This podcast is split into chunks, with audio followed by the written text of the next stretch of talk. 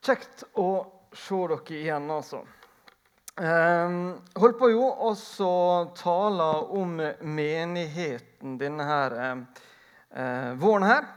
Uh, og I dag så skal vi snakke litt om det lille fellesskapet. Vi snakka om det store fellesskapet forrige søndag. Uh, vi leser disse bibelversene her eh, som på en måte gir oss litt rammen. La Kristi ord få rikelig rom hos dere. Undervis og rettled hverandre med all visdom. Syng salmer, viser og åndelige sanger til Gud av et takknemlig hjerte, står det i Kolosserne 3,16. Romerne 15, 14.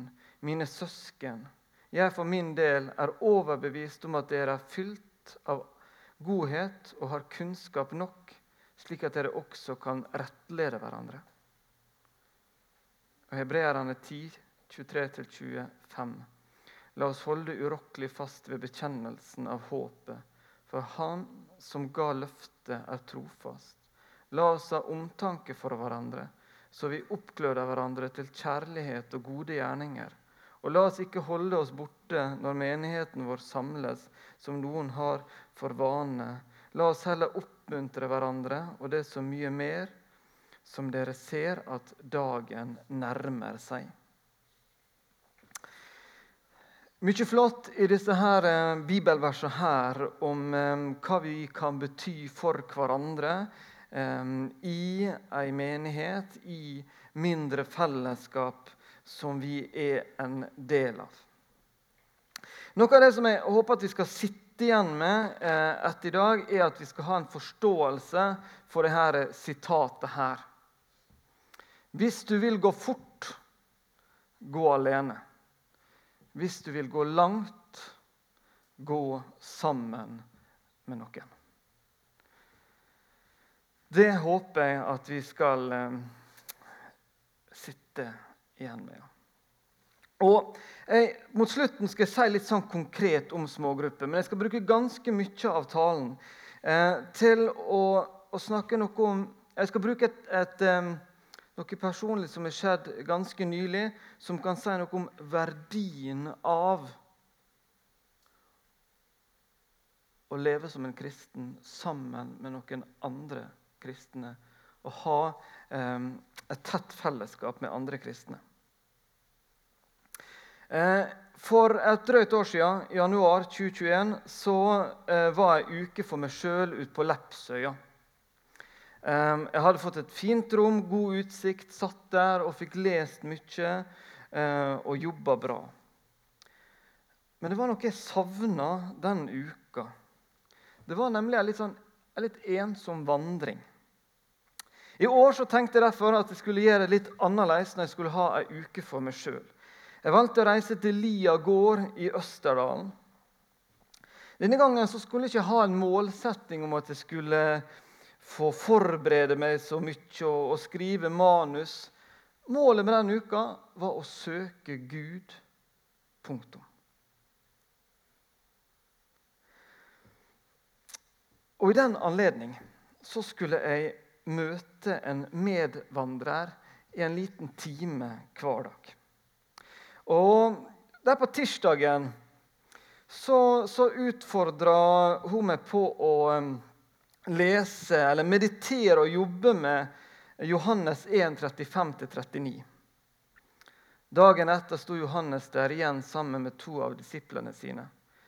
Da Jesus kom gående, så Johannes på ham og sa, 'Se Guds lam.' De to disiplene hørte hva han sa, og fulgte etter Jesus.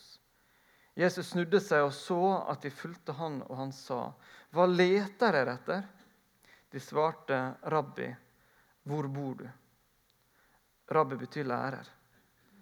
'Kom og se', sa Jesus. De gikk da med ham og så hvor han bodde, og det ble hos ham den dagen. Det var omkring den tiende timen. Jeg tenkte fint. fint, fint fine bibelvers. Um, gikk tilbake på rommet mitt, satt meg ned i godstolen der. Eh, ba om at eh, Den hellige ånd måtte lede meg inn i, i disse versene. At jeg måtte eh, få se hva det var jeg skulle få ut av det her. Um, prøvde å se for meg situasjonen, prøvde å se for meg Jesus, Johannes døperen, disse disiplene som, som var nok Andreas og Johannes. Um, ja, prøvde å, å jobbe en del med det her og, og se dette for meg. Eh, og Den første dagen så var det egentlig dette her, kom, kom og se var det på en måte som, som litt kom ut av teksten eh, for meg. Eh, tenkte at det kunne være et 'kom' også til meg. Et 'kom' til å eh, leve tettere med Jesus. Et 'kom' til å følge Han kom til nærhet. Jeg opplevde det fint. Syns liksom ikke at det var han, noe revolusjonerende med det, men, men, fint. Så jeg gikk tilbake til uh, hun her medvandreren min dagen etterpå fortalte litt om dette kommet. og Så for meg at jeg skulle få en, eh, en ny tekst. Men uh, da sa hun nei. Det skal du ikke. Du skal nok jobbe mer med den teksten her. Jeg tror at du eh, skal få noe mer ut av, eh, av disse versene. Litt sånn overraska så tenkte jeg ja vel, da får jeg, jeg prøve det, da. Um, neste dag der eh, gikk med noen lange turer, tenkte, satt på rommet, gikk eh, til de forskjellige kapeller litt der, satt og, og ba. og Leste denne teksten en del ganger. og prøvde liksom virkelig å sette meg inn i, inn i, situasjonen. Hva var det som skjedde her? Eh, hvordan lukta det? Hvordan så det ut? Hva, hva kunne jeg mer eh, få her? Eh, la kanskje merke til at hvis vi ser liksom litt for, for, foran, så er dette dagen etter. Det er noe som kommer igjen. Det var liksom en historie her. Um, Jesus var der flere dager der med døperen Johannes før at han ble døpt. og Kanskje Jesus lurte på når det skulle skje. Visste Jesus at han snart skulle ut i ødemarka og bli frista av djevelen? Var han spent på det? Gikk og tenkte litt på disse tinga, men, men jeg, følte liksom ikke helt at jeg fikk noe gjennombrudd den dagen heller. Eh, så kom jeg tilbake på torsdagen til hun medvandreren og tenkte at nå måtte vi i alle fall være ferdig med den teksten. Men hun sier nei, du skal jobbe videre her. Eh, Prøv å sette deg inn i denne situasjonen. Prøv å, å se for deg særlig dette med, med disse disiplene og møtet med Jesus. Hva, hva, er det her? Lydig, som jeg stort sett er. Um, så gikk jeg tilbake også den dagen. Uh, satte meg i godstolen min igjen, jobba med denne teksten her. Um, ja, gikk noen lange turer. Um, så begynte jeg å tenke litt mer. Jeg må lese litt parallelltekstene. tenkte jeg. Fant fram både Matteus, Markus og Lukas. Jeg tror jeg visste sånn omtrent hva som sto der, men, men da begynte det liksom å, å, på en måte gå opp noen flere ting for meg. For Matteus og Markus skriver på en de Tekstene er helt identiske, eh, men beskriver ikke helt det samme som det her. Um, og, og Lukasteksten nevner ikke engang uh, når eh, disippelen Johannes hvordan han begynte å følge Jesus. Eh, så jeg, så jeg, begynner liksom å skjønne kanskje noe av grunnen til at jeg syntes det var så vanskelig å helt sette meg inn i denne teksten og føle at jeg var der, er at det var noe som skurra litt for meg om denne historiske korrektheten Jeg tenker, kanskje, kanskje, er ikke det greia til Johannes her at det, det, var så viktig for han å få fram akkurat hvordan dette skjedde. Det begynner liksom å, å, å demre for meg. Så begynner jeg å tenke videre på, på Johannes, altså disippelen Johannes. Hva var situasjonen hans? Han var jo den eneste av disiplene som ikke eh, ble tatt livet av pga. sin tro. Han var den eneste som ikke ble matyr. Han levde ganske lenge. Johannes evangeliet var jo en av de var jo det evangeliet som ble skrevet sist. Um, Og så vet jeg at Paulus han starta menigheten i Efesus. Men så sier historien at han tror at Johannes, som havna der Johannes ble pastor, eller etter hvert biskop i Efesus, og var der. Um, og Da begynner det liksom Her er noe Johannes vil ha fram her. Her er ei, noe han vil fortelle meg. Um, Kanskje var det en, en tvil i, i, på en måte når Johannes opplever at disse disiplene som han var sammen med disse åra, døde ene etter den andre for trua si. Hva med han? Var det noe galt med Johannes sin etterfølgelse? Hvorfor ble hans historie så annerledes enn de andre sin? Og så tror jeg det at, at sånne spørsmål kanskje, altså, kanskje, begynte Johannes å tvile litt på tjenesten sin. Hva var det Jesus ville med hans tjeneste? Noe, gjorde han noe galt? Så tror jeg at sånne spørsmål kan fort komme opp i hodet til folk som har ei heltidstjeneste. Lever jeg ut denne tjenesten min sånn som Jesus hadde tenkt at jeg skulle? Var det dette som var meninga? Er det sånn det skal være? Så det ble plutselig ikke han er fiskeren Johannes, og ikke disippelen Johannes heller. Men etter hvert så ble det pastoren Johannes som sitter oppe i Efesus og skriver dette her til pastoren Andreas. Det ble etter hvert um, en litt personlig greie fra han til meg. Så litt for meg at kanskje Johannes spurte litt meg Lurer du noen ganger, Andreas, på tjenesten din? Du veit nok, Andreas, at Jesus er nær. Det sier Bibelen så tydelig. men men kan det av og til kjennes som at han er litt langt vekke, som han har glemt det?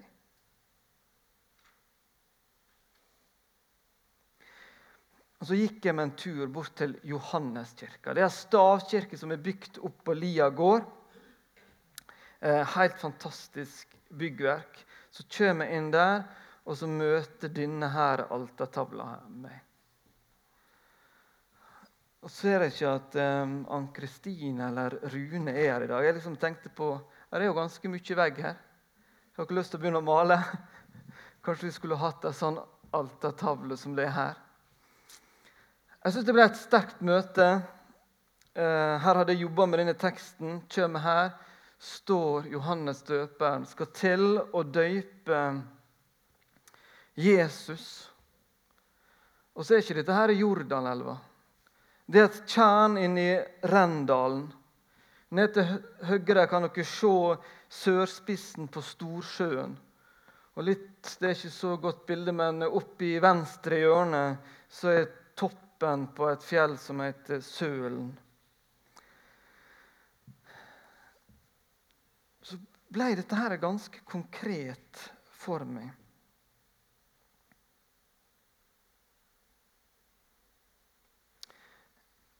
Jesus ønsker um, å nå alle avkroker i Norge med sitt evangelium. Dette kunne vært ute i Brosundet. Eh, det kunne vært oppå på Høgkubben med utsikt over Ålesund og øyene her. Så står eh, døperen Johannes så står Jesus der, og så peker han utover. Og så sier døperen Johannes til meg, eller til deg, Se der, Guds lam som bærer verdens synd. Han er det som er redninga for Ålesund og Sunnmøre. Kanskje begynner vi å småtrippe etter Jesus og opplever at han spør hvor vil du? Hvor har du tenkt deg? Og så kan vi få si 'Hvor bor du, Jesus?' Så kunne han si i min situasjon til meg 'Kom, så vil jeg være sammen med deg, Andreas.'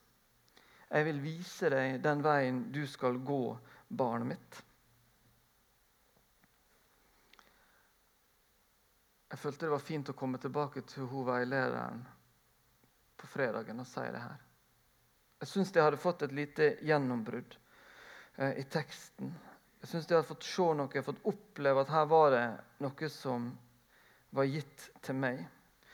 Og så sa hun bruk nå det siste døgnet ditt på å tenke på. Hva ville du ha brukt den ettermiddagen med Jesus? Du fikk komme hjem til han, være sammen med han. Hva hadde du gjort den ettermiddagen? Fikk jeg sitte oppi en gapahuk ned med den storsjøen den lørdagen og tenke på hvordan skal dette vennskapet mitt med Jesus se ut? Hvordan vil jeg at det skal få utvikle seg?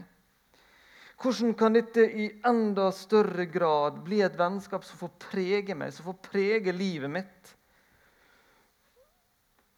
Jeg fikk lov til å sitte der med Jesus og snakke med han om de tinga som kan være vanskelig i tjenesten eller i livet.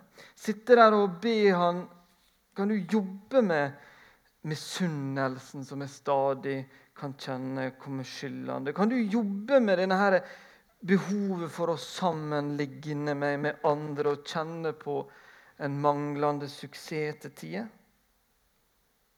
Kan du hjelpe meg å se annerledes på disse tingene her. Så ble det pastoren Johannes som fikk fortelle til meg, pastoren Andreas, hvor enormt viktig og betydningsfullt et møte med Jesus kan bli.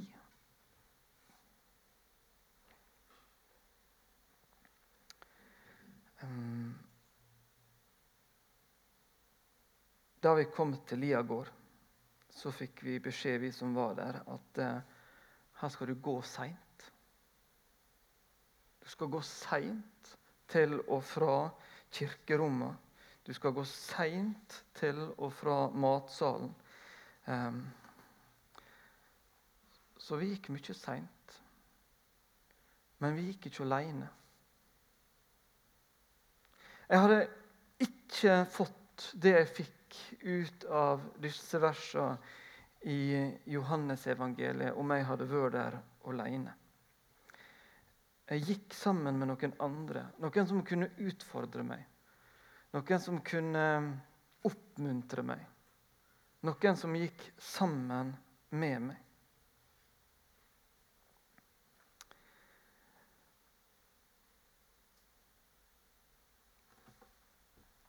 tilbake på disse bibelversene. For Jeg syns jo ikke at Sunnmøre er den letteste plassen å fortelle folk at eh, det er viktigere å komme langt enn å springe fort. Det er mange som liker å springe fort, mange som er flinke til å springe fort. Men det er mye viktigere at vi kommer langt. For vi veit ikke hvor målstreken vår er. Og da er det veldig uklokt å springe veldig fort og så ligge utslitt igjen en eller annen plass langt ifra det målet vi skal til. Og Disse bibelversene som, som vi leste opp, og som står her igjen, jeg tenker er avgjørende for livet vårt. For at vi skal nå fram til målet, så trenger vi det lille fellesskapet. Vi trenger noen rundt oss som kan eh, gjøre noe av det som står her. La Kristi ord få rikelig, eh, få rikelig rom hos dere. Undervis og rettled hverandre. Syng salmer, viser, åndelige sanger. Fylt av godhet til å rettlede hverandre, omtanke for hverandre Oppglød hverandre til kjærlighet og gode gjerninger. Oppmuntre hverandre. Og mer, og mer oppmuntring trengs til nærmere enden kommer. Dette det kommer veldig tydelig fram i disse versene at det er noe i det kristne fellesskapet som ikke skjer fra en scene, sånn som det ofte skjer på en god søndag. Det er noe som skal skje når vi er samla i mindre grupper, i det lille fellesskapet. Bibelen utfordrer oss ganske tydelig og sterkt på at eh, som kristen så trenger vi to fellesskap. Vi trenger det store fellesskap, vi trenger menigheten. Vi trenger å være en del av Kristi kropp på jord. Det er menigheten. Det skal vi være en del av. Det snakker vi om forrige søndag. Og så skal vi være en del av det mindre fellesskapet. Et fellesskap der vi kan hjelpe hverandre med det som står i disse versene her, og som står mange andre plasser i vår bibel. Jeg håper at eh, du kan kjenne på en, på en lyst til det. Um, målet mitt med denne forteller litt om det som skjedde på Lia gård. er akkurat det at vi trenger noen som går der sammen med oss som kan være med oss i livet, og som kan utfordre oss. Jeg håper at du ønsker å finne deg et sant fellesskap, om du ikke har det. Eh, jeg har lyst til å ta fram eh, noen praktiske råd til disse her fellesskapene våre. Eh, det første er at det må være plass til bønn og personlig vitnesbyrd. Vi har mange slags uh, mindre fellesskap i Misjonssalen. Vi har ikke et mål om at alle skal være like. Uh, jeg har lyst allikevel at alle sammen tenker på det at det skal være plass for forbønn for hverandre. Det skal være rom for det personlige vitnesbyrdet Å dele liv. Det må vi ha eh, i disse gruppene våre. Eh, jeg vet at det kan være utfordrende. Hvis det ikke er en kultur for det, kan være utfordrende å være den som begynner å dele liv. Men jeg håper at uh, kjenner du på at det er en utfordring, det første punktet her, i det små fellesskapet du er, så at du kan være blant de som ønsker å endre en kultur for å gi større plass til det. Vi trenger det. Nummer to er et litt ømt punkt. Størrelsen på gruppa. Et punkt om jeg snakka med flere av dere flere ganger, og som kanskje noen er litt uenig med meg i. Men jeg tror samtidig at det er kanskje det punktet som eh, er det størst eh, teoretisk grunnlag for å si noe om. Eh, både forskning fra kristen sammenheng og fra det ikke-kristne, så ser han det at størrelsen på gruppa er veldig viktig for at vi skal få oppleve den nærheten og den tryggheten vi trenger for å merke at det er noen som går sammen med oss. Så Jeg bruker å si at seks til åtte stykker er det som er det ideelle for ei smågruppe.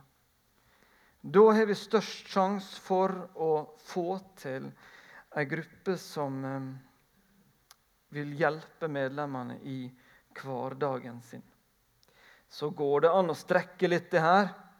Eh, men sjansen for at han mister en vesentlig verdi av smågrupper når han passerer ti personer, er stor. Så er det noen som har sagt til ja, ja, men det kommer jo bare 6-7 stykker av de, f.eks. 14 på lista. er det noen som har sagt til meg. Og da vil jeg si ja, men nettopp derfor.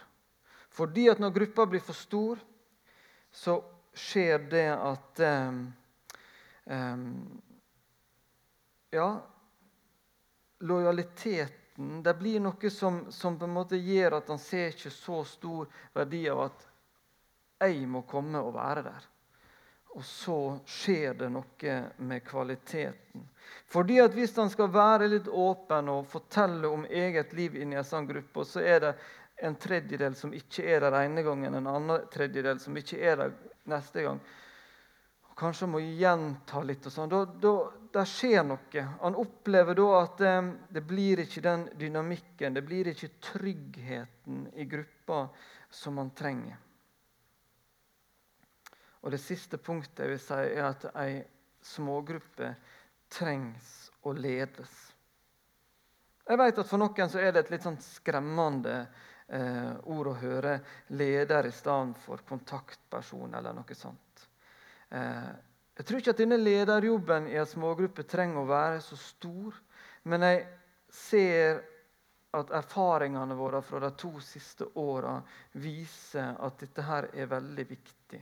Eh, vi kan nok se en del av, av smågruppene her i misjonssalen hvem eh, som har fått til å samles under koronatida, og hvem som ikke har fått til det. Og jeg tror et punkt er nettopp det at det er noen som tenker at de har et lederansvar for denne gruppa. Når f.eks. det er ikke lov til å møtes mer enn fem i en heim, så er det noen som sier ja, men da deler vi oss da i disse to-tre månedene. Da gir vi noe, vi finner på noe. Og kanskje akkurat i, når vi holder til her vi gjør, og en så stor del av vår menighet har turnusarbeid, så ser jeg også det at det er mange som syns det er vanskelig å finne aktuelle datoer, og det kan være lenge mellom noen av gruppene våre samles. Da trenger det noen som sier at jeg er leder og tar et ansvar for at det ikke går for lang tid mellom hver gang vi møtes. Så det har lyst til å si tør å ta ansvar for gruppa så er det mange grupper som eksisterer uten at vi har det på ei liste her i misjonssalen. Og det er ikke eh, det viktigste at vi har det på våre lister. Det viktigste, og det jeg vil så gjerne få fram i dag, jeg håper at du kan, kan sitte igjen med, det er at hvis du vil gå fort, så gå alene. Men hvis du vil gå langt, hvis du vil nå målet, så finn noen å gå sammen med. Finn noen som kan være en medvandrer i ditt liv. Finn en arena der du kan få lov til å være åpen med livet ditt. Der du kan dele hva som rører seg inn i deg.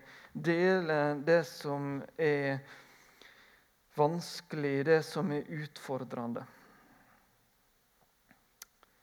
Eh, for omtrent tre år siden så døde et medlem her i misjonssalen. Da døde hun Astrid Aalen. Hun har vært med i misjonssalen her så lenge den eh, var, og har vært aktiv i Misjonssambandet sitt arbeid her i Ålesundsområdet lenge. Ragnhild Wold, som da var styreleder, eh, hun representerte misjonssalen i den begravelsen. Eh, og så kom hun og sa til meg etterpå Jeg husker hvordan på en måte ansiktsuttrykket hennes, og hun smilte når hun sa at det, mye av det som skjedde i den begravelsen, det var et veldig sterkt eh, eksempel på viktigheten av smågrupper. I den begravelsen så har du fått innblikk i ei smågruppe, ei misjonsforening, som virkelig hadde brydd seg om hverandre. Jeg kjente bare Astrid de siste fem åra av livet hennes. Og hvor rask hun var, det, det vet ikke jeg så mye om. Men jeg vet at hun brukte mye tid på misjonsforeninga si. Og jeg vet at hun fikk gå tett sammen med noen, og at hun nådde målet. Jesus har en stor drøm om at så mange som mulig skal nå målet. Han har et veldig ønske om at vi skal forstå viktigheten av det lille fellesskapet. At vi har noen å gå sammen med som gjør at vi når helt fram. Hilda, som sitter der borte, som står her og synger i dag, hun er en av de som er med og koordinerer eh, smågrupper i misjonssalen. Som er du her i dag, som ikke har smågruppe, som har lyst til eh, å få hjelp til å komme i gang, så kan du snakke med henne etterpå. Du kan komme og snakke med meg. Det skal vi få til. Husk at hvis du vil gå fort, så kan du gå alene.